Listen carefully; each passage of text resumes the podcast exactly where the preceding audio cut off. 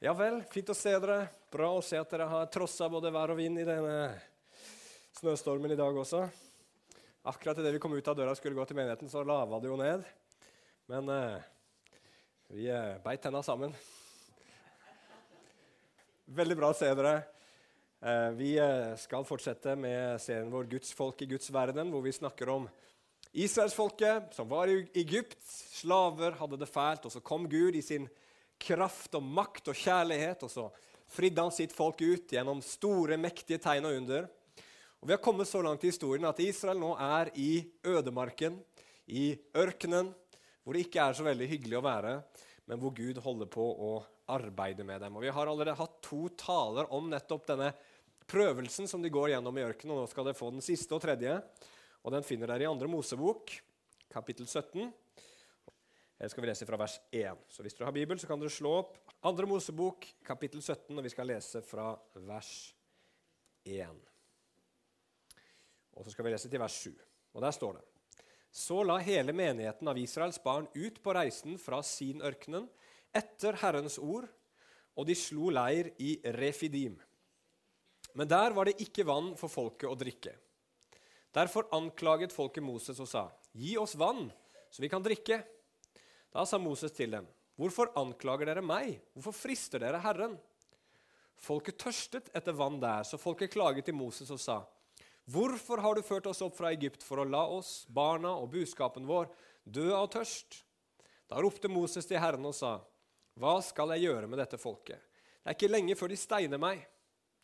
Herren sa til Moses, 'Gå fram foran folket og ta med deg noen av de eldste i Israel.' I hånden skal du ta med deg staven du brukte da du slo på elven, og så skal du gå. Se, jeg skal stå foran deg der på klippen i Horeb. Du skal slå på klippen, og det skal komme vann ut fra den, som folket kan få drikke. Moses gjorde dette for øynene på de eldste i Israel. Så kalte han stedet med navnet Massa og Meriba, fordi Israels barn skapte strid, og fordi de fristet Herren og sa, Er Herren iblant oss eller ikke? Kjære himmelske Far, nå bøyer vi våre hjerter for deg og ber Herre om at du skal tale til oss, Herre. At du skal herliggjøre din tjener Jesus ved Den hellige ånds kraft, ved Den hellige ånds åpenbaring i våre hjerter. Herre, vi trenger hjelp i dag, Herre. Vi trenger veiledning i dag, Herre. Vi trenger ditt ord, Herre, som er levende og virkekraftig, skarpere enn noe tvega sverd, som kan dele ledd og marg, ånd og sjel, og være dommer over hjertets tanker og råd. Vi trenger ditt ord, Herre, i dag som virker i oss med kraft. Halleluja. Vi trenger ditt ord, Herre, som er sannheten, som setter fri, Herre, som er åndens sverd, som gir oss den maten vi trenger for å leve, Herre. Vi trenger ditt ord i dag, Gud, og det er bare du, Herre, som kan gjøre det levende og forståelig og tydelig og livsforvandlende for oss, Herre, ved at du hjelper oss med din ånd, Herre. Så vi gir oss alle til deg, Herre, og ber, Herre, om ditt verk i våre liv i dag, gjennom ditt ord i Jesu navn. Bruk meg, Herre, du ser jeg trenger deg. Amen. Ok, vi, vi, er som sagt da inne i en, enda en situasjon hvor Gud prøver israelsfolket i ørkenen. Og Hvis det har vært noe tvil tidligere, så er all den tvilen fjerna nå om at det faktisk er Gud som leder dem til disse plassene hvor det ikke er vann og ikke er mat. Han leder dem inn i disse prøvelsene. Her står det tydelig og klart at det var etter Herrens ord at de reiste til denne plassen som kalles for Refidim. Og Det som skjer, det er at Gud han fører dem inn i situasjoner hvor de må stole på ham, og hvor det som er i hjertene deres, åpenbares. Det blir klart og tydelig for dem hvem de egentlig er. Og Samtidig så åpenbarer også Gud hvem han er. Og I de to foregående prøvene som vi har hørt, så har Gud for det første åpenbart at han er en Gud som helbreder. Og den siste vi hørte, så fortalte Gud at han er en Gud som metter.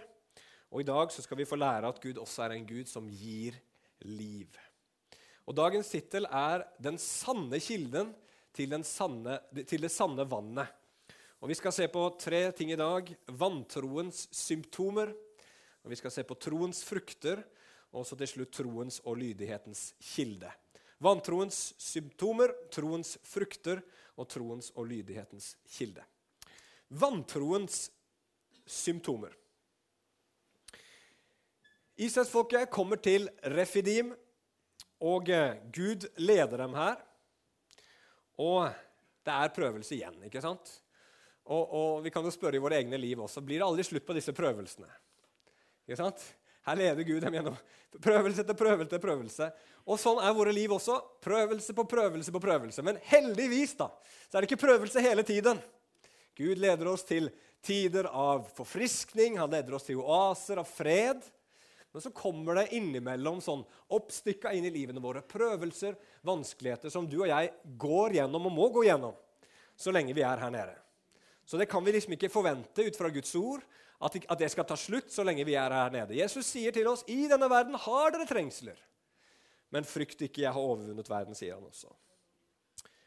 Amen. Men disse Israelsfolket da, de kommer altså til Refidim, og man har liksom prøvd å finne ut hvor kan dette være. Og man har en idé om at det er en sånn såkalt wadi i ørkenen der i Sinai. Og en wadi, hva i all verden er det? Jo, det er da et elveleie som det fins mange av i ørkenen, men som stort sett hele tiden er tørre. Men når det er et stort og kraftig regnfall, så fylles disse elvene opp og blir eh, som en normal og vanlig elv. da. Og Nå kommer da Israel til dette elveleiet, og det er da tydeligvis tørt. Her er det ikke noe vann. Og israelsfolket, for de av dere som har fått med dere de to andre talene, de reagerer på samme måte som før. Og det er kanskje ikke helt uventa, men samtidig så er det litt overraskende at de reagerer sånn igjen. For her har du israelsfolket. De har kommet ut av Egypt, og Gud har gjort noen ekstreme tegn. Blant annet da åpna Rødehavet, så de kunne få gå gjennom, mens egypterhæren, som også prøvde seg, de drukna.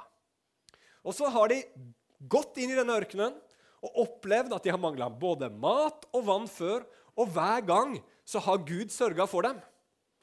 Og antageligvis samme morgen som dette her skjer, så har israelsfolket allerede vært ute og samla manna. Som Gud jo trofast har gitt dem hver eneste morgen siden den dagen han begynte å gi dem, bortsett fra sabbaten, da. Men han sørga i hvert fall for dem. Så alt dette her, det skjer og, og, og, har skjedd, og de kommer til den nye prøvelsen, og de har ikke vann.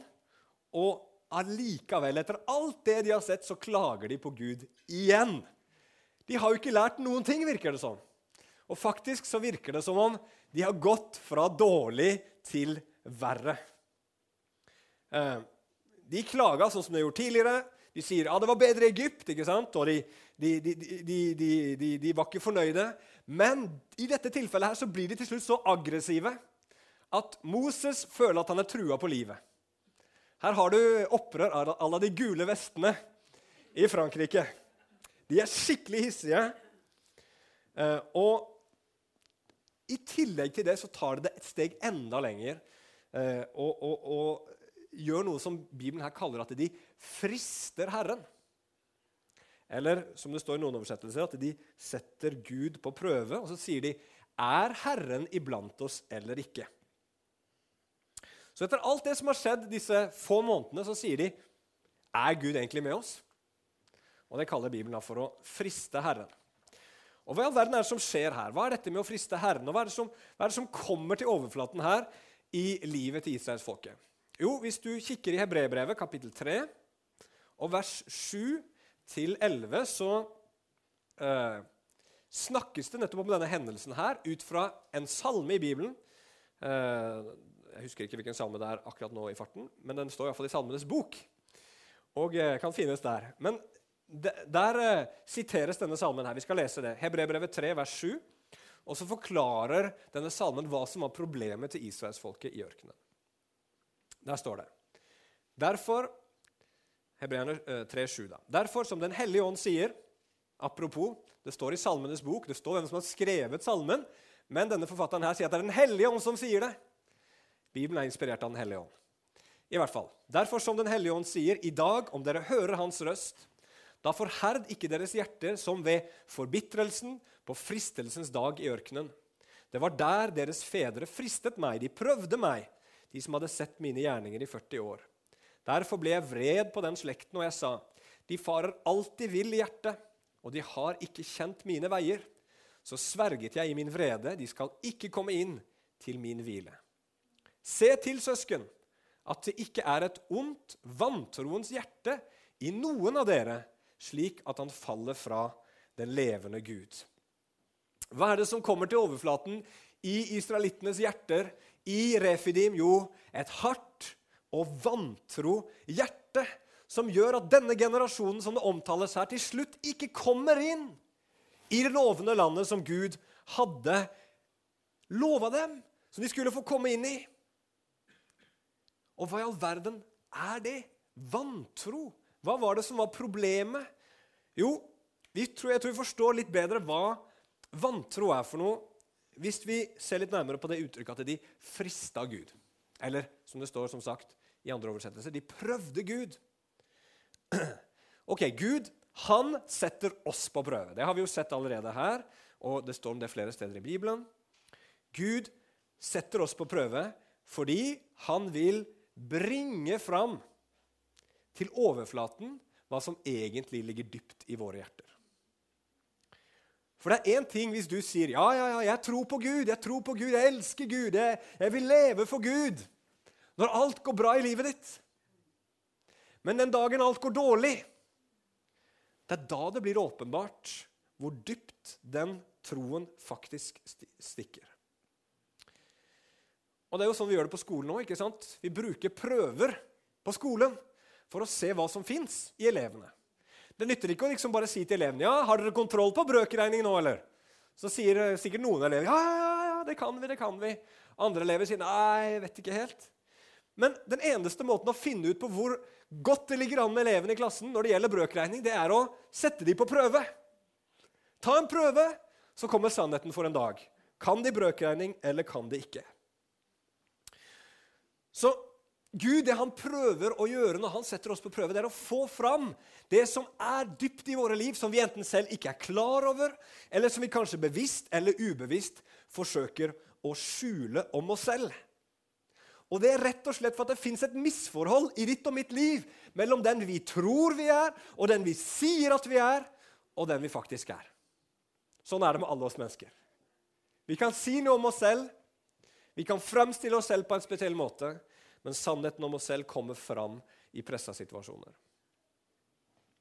Så hvis vi mennesker da begynner å prøve Gud, så sier vi noe av det samme til Gud. Vi sier at Gud, det er et misforhold mellom den du sier du er, og den du virkelig er. Du sier at du er god, men ut fra det du gjør, så får ikke jeg inntrykk av det. Så da må det være noe feil. For israelsfolket så låt det omtrent sånn som det her. Hvis du virkelig er iblant oss, hvis du virkelig har lovt å ta vare på oss, så må du, Gud, nå vise det på den måten som vi vil, nemlig ved at du gir oss vann her nå, akkurat nå. Sånn viser du, Gud, at du er en god Gud. I våre liv så kan vi også sette Gud på prøve på akkurat samme måten. Og så kan vi si hvis du virkelig er en god Gud, så gi meg noen for eksempel, å dele livet mitt med her, nå, sånn som jeg vil. Eller hvis du, la, hvis du er en god Gud, la det være den personen. For det er den personen jeg vil ha. Og hvis ikke du gir meg den personen så kan ikke du være god. Eller, som det er blitt veldig vanlig i det samfunnet vi lever i i dag, så sier man Gud, hvis du virkelig er en god Gud, så må du la meg leve ut de seksuelle lystene som jeg kjenner, på den måten som jeg vil. Og generelt oss alle sammen så, vi, så sier vi til Gud når vi setter Gud på prøve Hvis du virkelig er en god Gud, så ta vekk vanskelighetene i mitt liv her, nå! La livet mitt være sånn som jeg vil at det skal være. Og så sier man kanskje ikke så ofte, men det ligger litt i kortene, det ligger litt bak. Ellers vil jeg ikke høre på deg. Ellers vil jeg ikke tro på deg. Jesus han ble frista av djevelen på akkurat det samme. Djevelen tok han opp på tempelets tinde, som det står så fint, på toppen av tempelet. Og Der nede var det jo sikkert fullt av mennesker som eh, holdt på å tilbe Gud i tempelet og gjøre de forskjellige tingene de gjorde. Så sier djevelen, 'Kast deg utfor her.' For Gud kommer garantert. Han må jo, han har jo lovt i sitt ord til å ta og løfte deg opp med englene sine. Og så ligger det litt underforstått der at da kommer alle til å skjønne at du er Guds sønn. Ikke sant? Folk nede på tempelplassen her kommer til å se et mektig mirakel.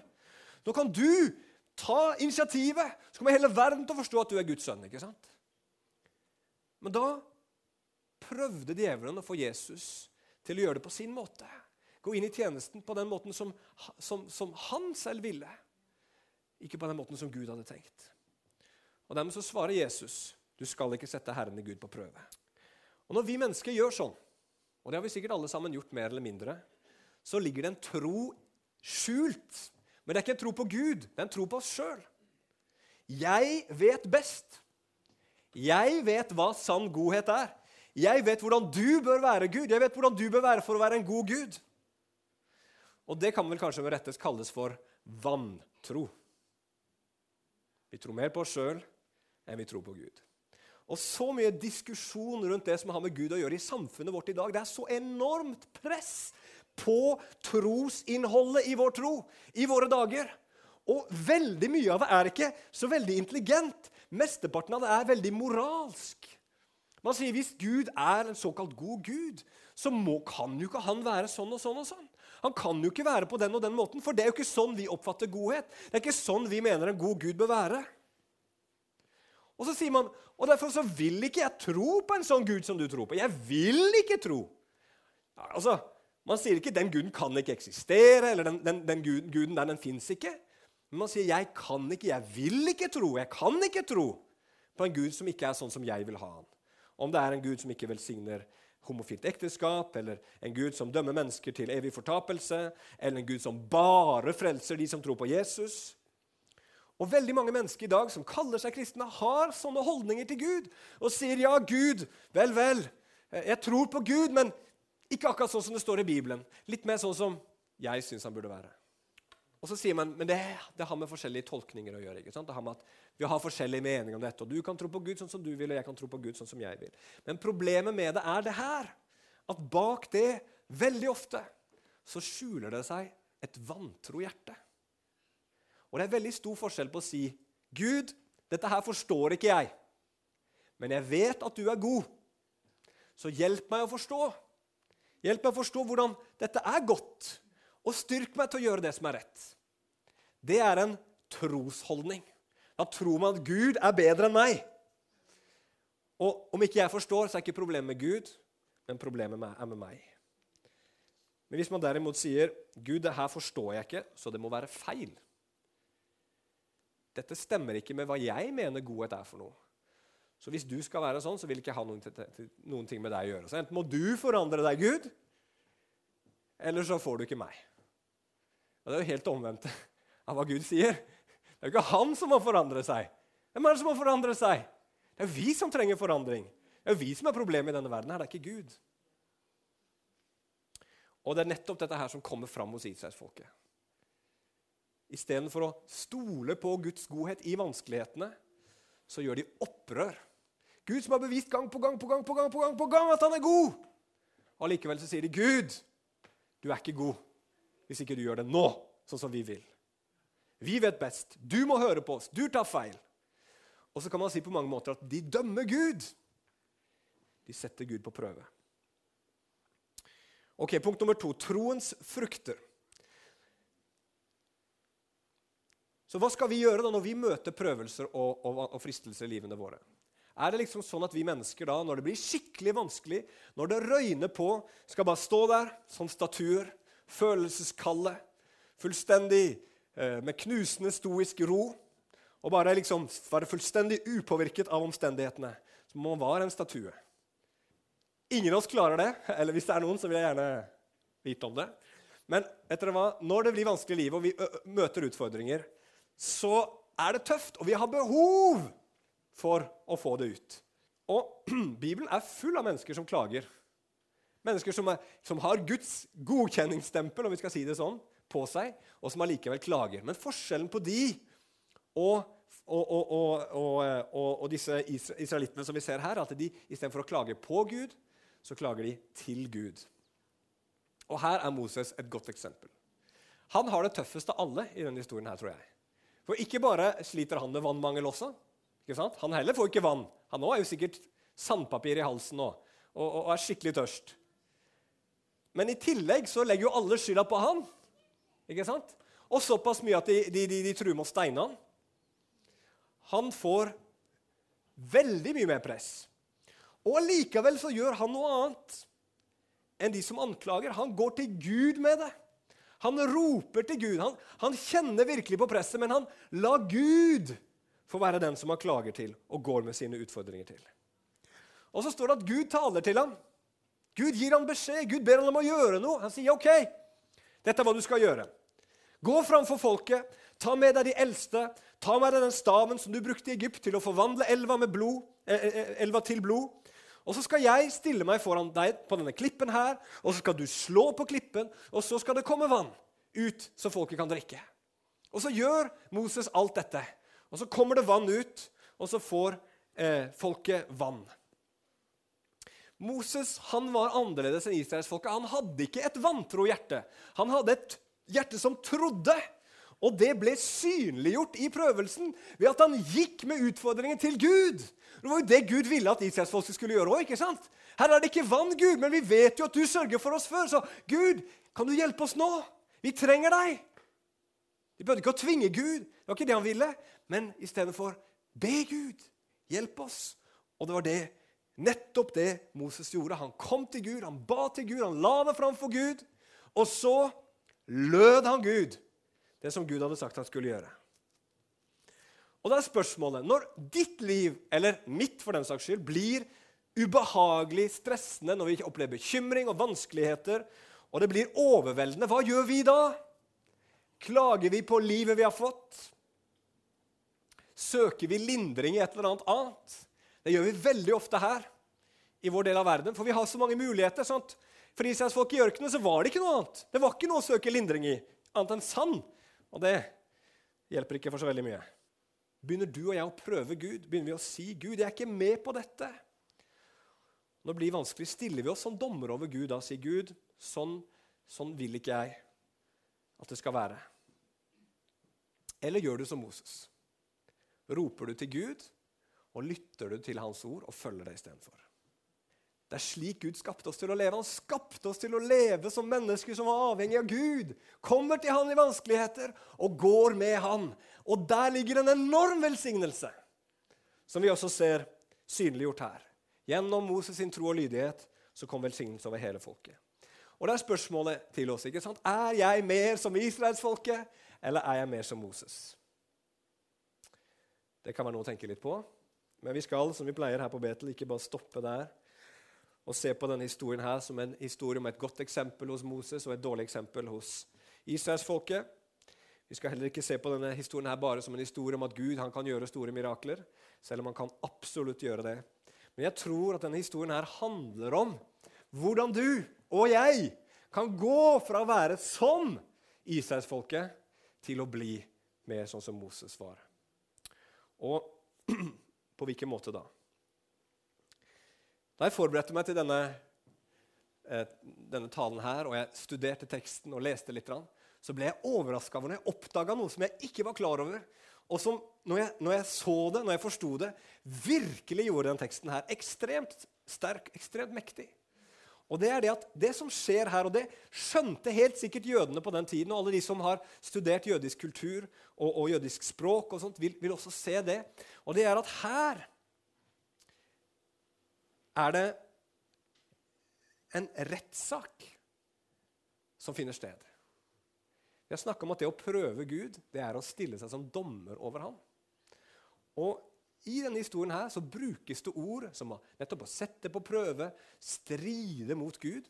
Og Alt det der er ord som brukes juridisk på det hebraiske språket. Altså om rettssaker, retterganger.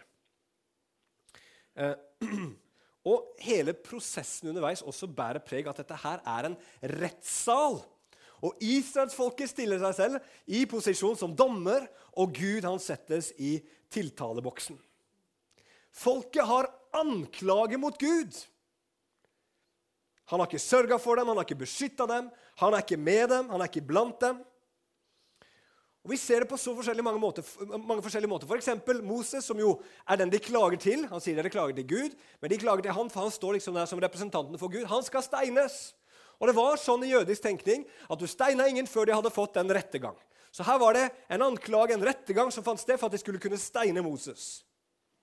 Og så sier Gud til Moses at han skal ta med seg menighetens eldste. Hvorfor gjør han det? Jo, her er det en jury som samles. Og så skal han ta med seg i hånden staven, som var tegnet på Guds dom. ikke sant? Guds dom som ble brakt nedover Egypt for all deres avgudsdyrkelse og synd. Som representerte Guds rett og Guds makt til å dømme. Og så skal de stille seg opp, gå opp på klippen, og så sier Gud, så skal jeg stille meg foran deg. Hva sier Gud da? Så sier Gud, jo, her stiller jeg meg opp. Dere kan få ha deres rettssak, og jeg stiller meg fram for å bli dømt. Og Så står det at Moses slår på klippen.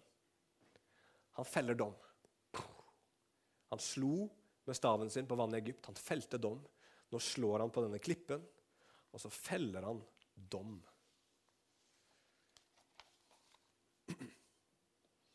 Og Da må israelsfolket ha begynt å tenke seg litt om. For hva, hva var klippen i israelsfolkets tenkning?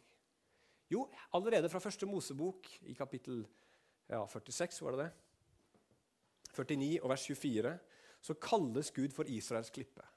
Og gang på gang på gang på gang gjennom Bibelens historie så kalles Gud for klippen. Så det israelsfolket ser, det er at klippen som de tenker på som Gud, ble slått, og vannet strømma fram. Det han sier til israelsfolket, som de sikkert forsto, er at han sier det vannet dere trenger, det kommer ved at jeg settes i tiltaleboksen og blir rammet av min egen dom. Og Jødene må ha skjønt det at Gud sa dere trenger at jeg blir dømt for at dere skal få vann. Men de kan jo umulig ha skjønt hva det betydde. De kan umulig ha fatta dybden og lengden og bredden av det. Det må ha vært fullstendig uforståelig for dem. Samtidig som de forsto det, så kan de ikke ha forstått det. Men så blir det så fantastisk klart 1400 år senere. Og Paulus, når han snakker om nettopp det som skjedde i ørkenen, så sier han følgende i 1. Korinterbrev 10, vers 1-4. Dessuten, søsken, vil jeg ikke at dere skal være uvitende om at alle våre fedre var under skyen, alle gikk gjennom havet, alle ble døpt til Moses i skyen og i havet, alle spiste den samme åndelige mat, og alle drakk den samme åndelige drikk. For de drakk av den åndelige klippen som fulgte dem, og den klippen var Kristus. Hva sier Paulus? Jo, han sier at den klippen som ga dere vann, det var Kristus. Og det er nettopp den samme klippen som ble slått. Helt tilbake i andre Mosebok så finner vi evangeliet om at Gud en dag skulle bli menneske, la seg dømme. Uskyldig. Han ble henrettet på et kors som vi kjenner til, for å gi liv. På hvilken måte da? Johannes har en litt spesiell beskrivelse etter at Jesus er død på korset. Jeg vet ikke om dere husker den historien? Johannes er jo den som bruker mest tid til å snakke om korsfestelsen og oppstandelsen i, i evangeliene. Han sier at etter at Jesus var død, så kommer det en romersk soldat og skal sjekke at Jesus faktisk er død. Måten de gjorde det på, var at de stakk et spyd inn i dem for å liksom, for å liksom sjekke om, om, om, dødsprosessen hadde funnet sted i kroppen. Og da var Tegnet på det var at vann og blod kom ut. Det var liksom sånn, et sånt fysisk tegn på at personen var død. Men så så Johannes det, og så, og så, så han noe mer. Han sa at ut av Jesus kom det både blod og vann. Blodet, det var jo tegnet på offeret. ikke sant? Jesus ga sitt liv for våre synder. Hans blod rant for at vi skulle bli rensa. Men så var det dette vannet, da. Hva er det hva er det, det symboliserer? Jo, Jesus han forklarer det sjøl tidligere i Johannes 7, vers 37-39. På den siste dagen, den store dagen i høytiden, sto Jesus fram, ropte ut og sa, om noen tørster, han skal komme til meg og drikke. Den som tror på meg, som Skriften har sagt, ut fra hans indre skal det flyte strømmer av levende vann. Men dette sa han om ånden, den som skulle bli gitt dem som trodde på ham. For Den hellige ånd var ennå ikke gitt, siden Jesus ennå ikke var herliggjort. Den sammenhengen her ser vi enda tydeligere sammenhengen mellom korset og ånden i Galaterbrevet 3, vers 13 og 14.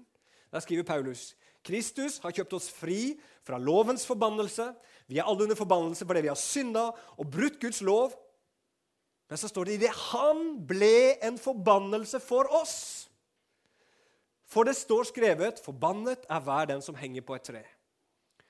Og så hensikten i vers 14. For at Abrahams velsignelse skulle komme til hedningefolkene i Kristus Jesus. Og hva er Abrahams velsignelse? Jo, det står her for at vi ved troen kunne få ånden som det var gitt løfte om. Jesus døde på korset for å gi oss tilgivelse for syndene våre, men også halleluja, for at vi skulle få Hans ånd inn i våre hjerter. At han skulle komme selv med sitt eget nærvær og bo på innsiden av oss. Og det her er mye bedre enn vi aner. Den hellige ånd får vi først og fremst ved tro. Du får Den hellige ånd ikke fordi du er hellig, ikke fordi du kan, har utmerka deg på noen bestemt måte, men du får det pga. det Jesus har gjort på korset. Når du skal ta imot Den hellige ånd i frelsen først og fremst, men også hvis du ønsker å bli fylt med Den hellige ånd, så gjør du det på ett eneste grunnlag, og det er pga. Jesus som døde på korset for oss. Han rensa så rene at Gud selv, den hellige, evige Gud, syns at denne boligen her er ren nok for han. Og det vil si at den boligen må være fullkomment ren. Tenk på det, dere. Tenk hva det sier om det verket Jesus gjorde på korset. Og hvor fullkomment det er. At du er så ren at den fullkomment rene, hellige Gud som ikke tåler synd, tar bolig på innsiden av oss. Det er utrolig. Og vi får det bare ved tro, med andre ord. For andre så er det sånn at ved Den hellige ånd så blir vi helt nye på innsiden. Vi snakker her om hvordan går vi fra å være som israelsfolket til å bli som Moses. Jo, det er ved å ta imot Den hellige ånd, ved å bli født på nytt, bli fylt av Ånden og vandre i Ånden. Det er et verk av Gud i våre liv. Vi blir nye på innsiden. Noe som ikke var der før, kommer inn. Vi blir virkelig født på nytt. Akkurat som den flintharde klippen som det står en eller annen sted i Bibelen. når de beskriver denne klippen her ved Horeb. Plutselig blir det en kilde til vann. Så har våre harde, vantro hjerter, som vil være dommer over Gud, som vil vite best selv, som vil styre og være sjef i eget liv, plutselig blitt forandra og forvandla ved Den hellige ånd som kommer inn på innsiden og gjør dette steinhjertet til et levende kjøtthjerte, som Esekiel sier. Amen. For det tredje så blir vi tilfreds ved Den hellige ånd. Alle mennesker tørster i livet. Det har vi snakka om mange ganger her på Betel. Men jeg, jeg ser det er så tydelig. Jeg kan se absolutt i alle mennesker, i deres kamper, i deres utfordringer, i, i, i det de, de lever i, så finnes det en tørst. Og menneskers liv blir knust når de mister håp om at den tørsten en gang skal bli tilfredsstilt. Og så kan mennesker finne på å gjøre så mye rart og så mye dumt fordi man søker et eller annet som man tror at en dag skal fylle dette tomrommet som alle mennesker kjenner på innsiden. Men det blir aldri fylt. Om det er suksess, om det er penger, om det er det å lykkes, om det er det å finne kjærligheten, om det er narkotika og alkohol eller Uansett hva det er, så blir det aldri fylt på innsiden. Men det helt utrolige med kristen tro det er at det er ikke bare sånn at den er sann. Den er sann. Den er helt sann. Men det er liksom ikke bare en ren teoretisk sannhet som er fin å ha og fint å vite og bra å vite, og som vi trenger å vite. Men det er noe mer i det å være en kristen. Det er en levende realitet. Fordi at Når du blir kristen, så finner du ikke bare sannheten, men du får Guds nærvær boende på innsiden. Og det metter sjelen. Og det var det Jesus døde for. Og vi er så dumme så mange ganger. Og jeg setter meg selv i den kategorien der, så ikke bli fornærma. Fordi vi ikke bruker så mye tid som vi kunne ha gjort på å søke Gud og bli fylt av Ånden. Og Jeremias sa til Israel da de levde i det frafallet de gjorde i eh, Jeremia 2,13. For to onde ting har mitt folk gjort. Meg har de forlatt, kilden med det levende vann. Og de har hogd seg ut brønner, sprukne brønner, som ikke holder vann, og hvor vi kjenner oss igjen. Og den største utfordringen i denne rike delen vi lever i verden, at det fins så mange sånne sprukne bønner rundt omkring som det er så lett å gå til. Men de er, om det er mange av dem, så er de likevel sprukne. Og de holder ikke vann. De holder ikke vann. Og Det betyr ikke at vi liksom ikke kan glede oss over ting i dette livet. Det kan vi så absolutt. Men det er ikke der fokuset ligger. Det er ikke der vi må gå først og fremst. Vi må hver eneste dag drikke av det levende vannet. Og så kan alt det andre få være velsignelse som Gud gir oss, om vi har mye eller lite av. Det er ikke så viktig da. Det er ikke det vi lever for, og det er ikke det vi lever av. Og til slutt så er det så fantastisk med Den hellige ånd at den er, eller han, unnskyld, er kraft. Hellig ånd er kraft. Og vi er kalt av Gud. Du er kalt av Gud. Hver på vår måte, etter den utrustning Gud har gitt hver enkelt. Til å være som Moses, at når problemene kommer, så har vi muligheten til å gå til Gud. Og så kan vi be til Han. Og så kan vi få lyd av Han, og så kan vi få være redskaper i Guds hånd for å bringe levende vann ut i denne verden, vi også. Sånn som Moses gjorde det. Amen. Og han kan bruke hver og en av oss ikke fordi at du er begava, selv om du sikkert er det. Ikke fordi at du er liksom veldig karismatisk eller, eller, har så mye å stille opp med. Nei, fordi at det bor noe på innsiden av deg. Det bor en kilde med levende vann i deg. Det er ikke sånn at vi bare får drikke av kilden, men du får kilden på innsiden når du blir en kristen. Tenk på det! Og den kan vi drikke av. Vi er også kalt til å bringe dette levende vannet ut til mennesker.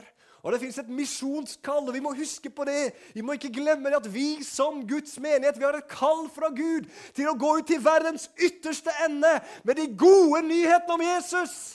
Å, mennesker må få høre om han, og mennesker må få merke kraften i det. Og naboen din òg. Amen. Og det kallet har vi sammen.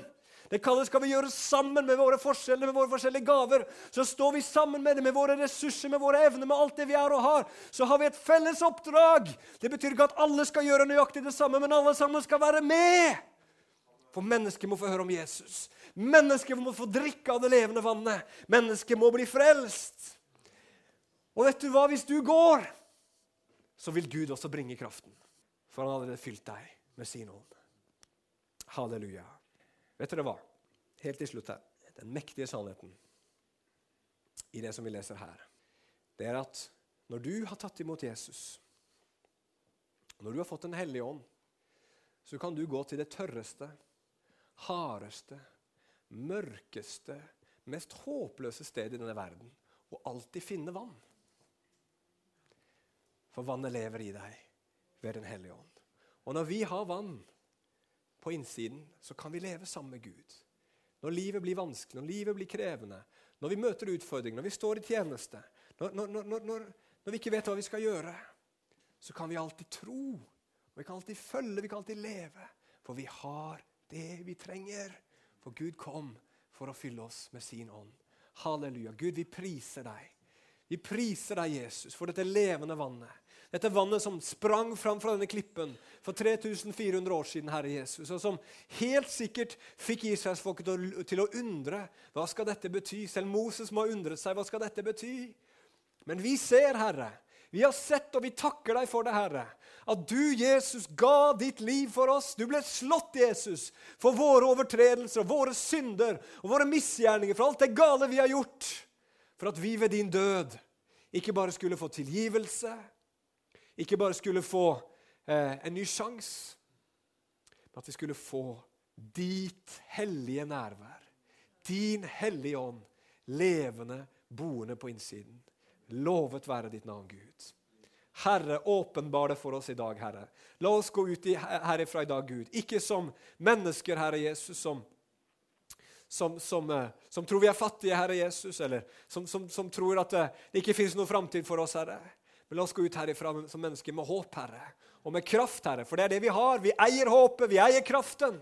For Den hellige ånd har kommet inn allerede i våre liv. Og Herre, om noen her nede er nedbøyd i ånden i dag, Herre, kjenner at det er tungt å leve, Herre, så må du løfte de opp, Herre, for du er den Gud, Herre, som sier i ditt ord at du bor i det høye og det hellige, og hos den som har et sønderbrutt og, og nedbøyd hjerte, Herre, far. Der bor du også, Jesus. Halleluja. Og Jesus Og Hvis noen av oss kjenner at eh, fokuset vårt er en helt annen plass akkurat nå i våre liv, Herre, og vi er opptatt av jobben vår først og fremst, opptatt av et eller annet annet som vi har av prosjekter, Herre, så bare hjelp oss å få fokuset vårt på rett plass, Herre. At vi lever for deg, vi lever med deg, Herre, og ditt rike må alltid komme først. Halleluja. Å, Jesu navn. Priser og ære deg. Amen. Amen.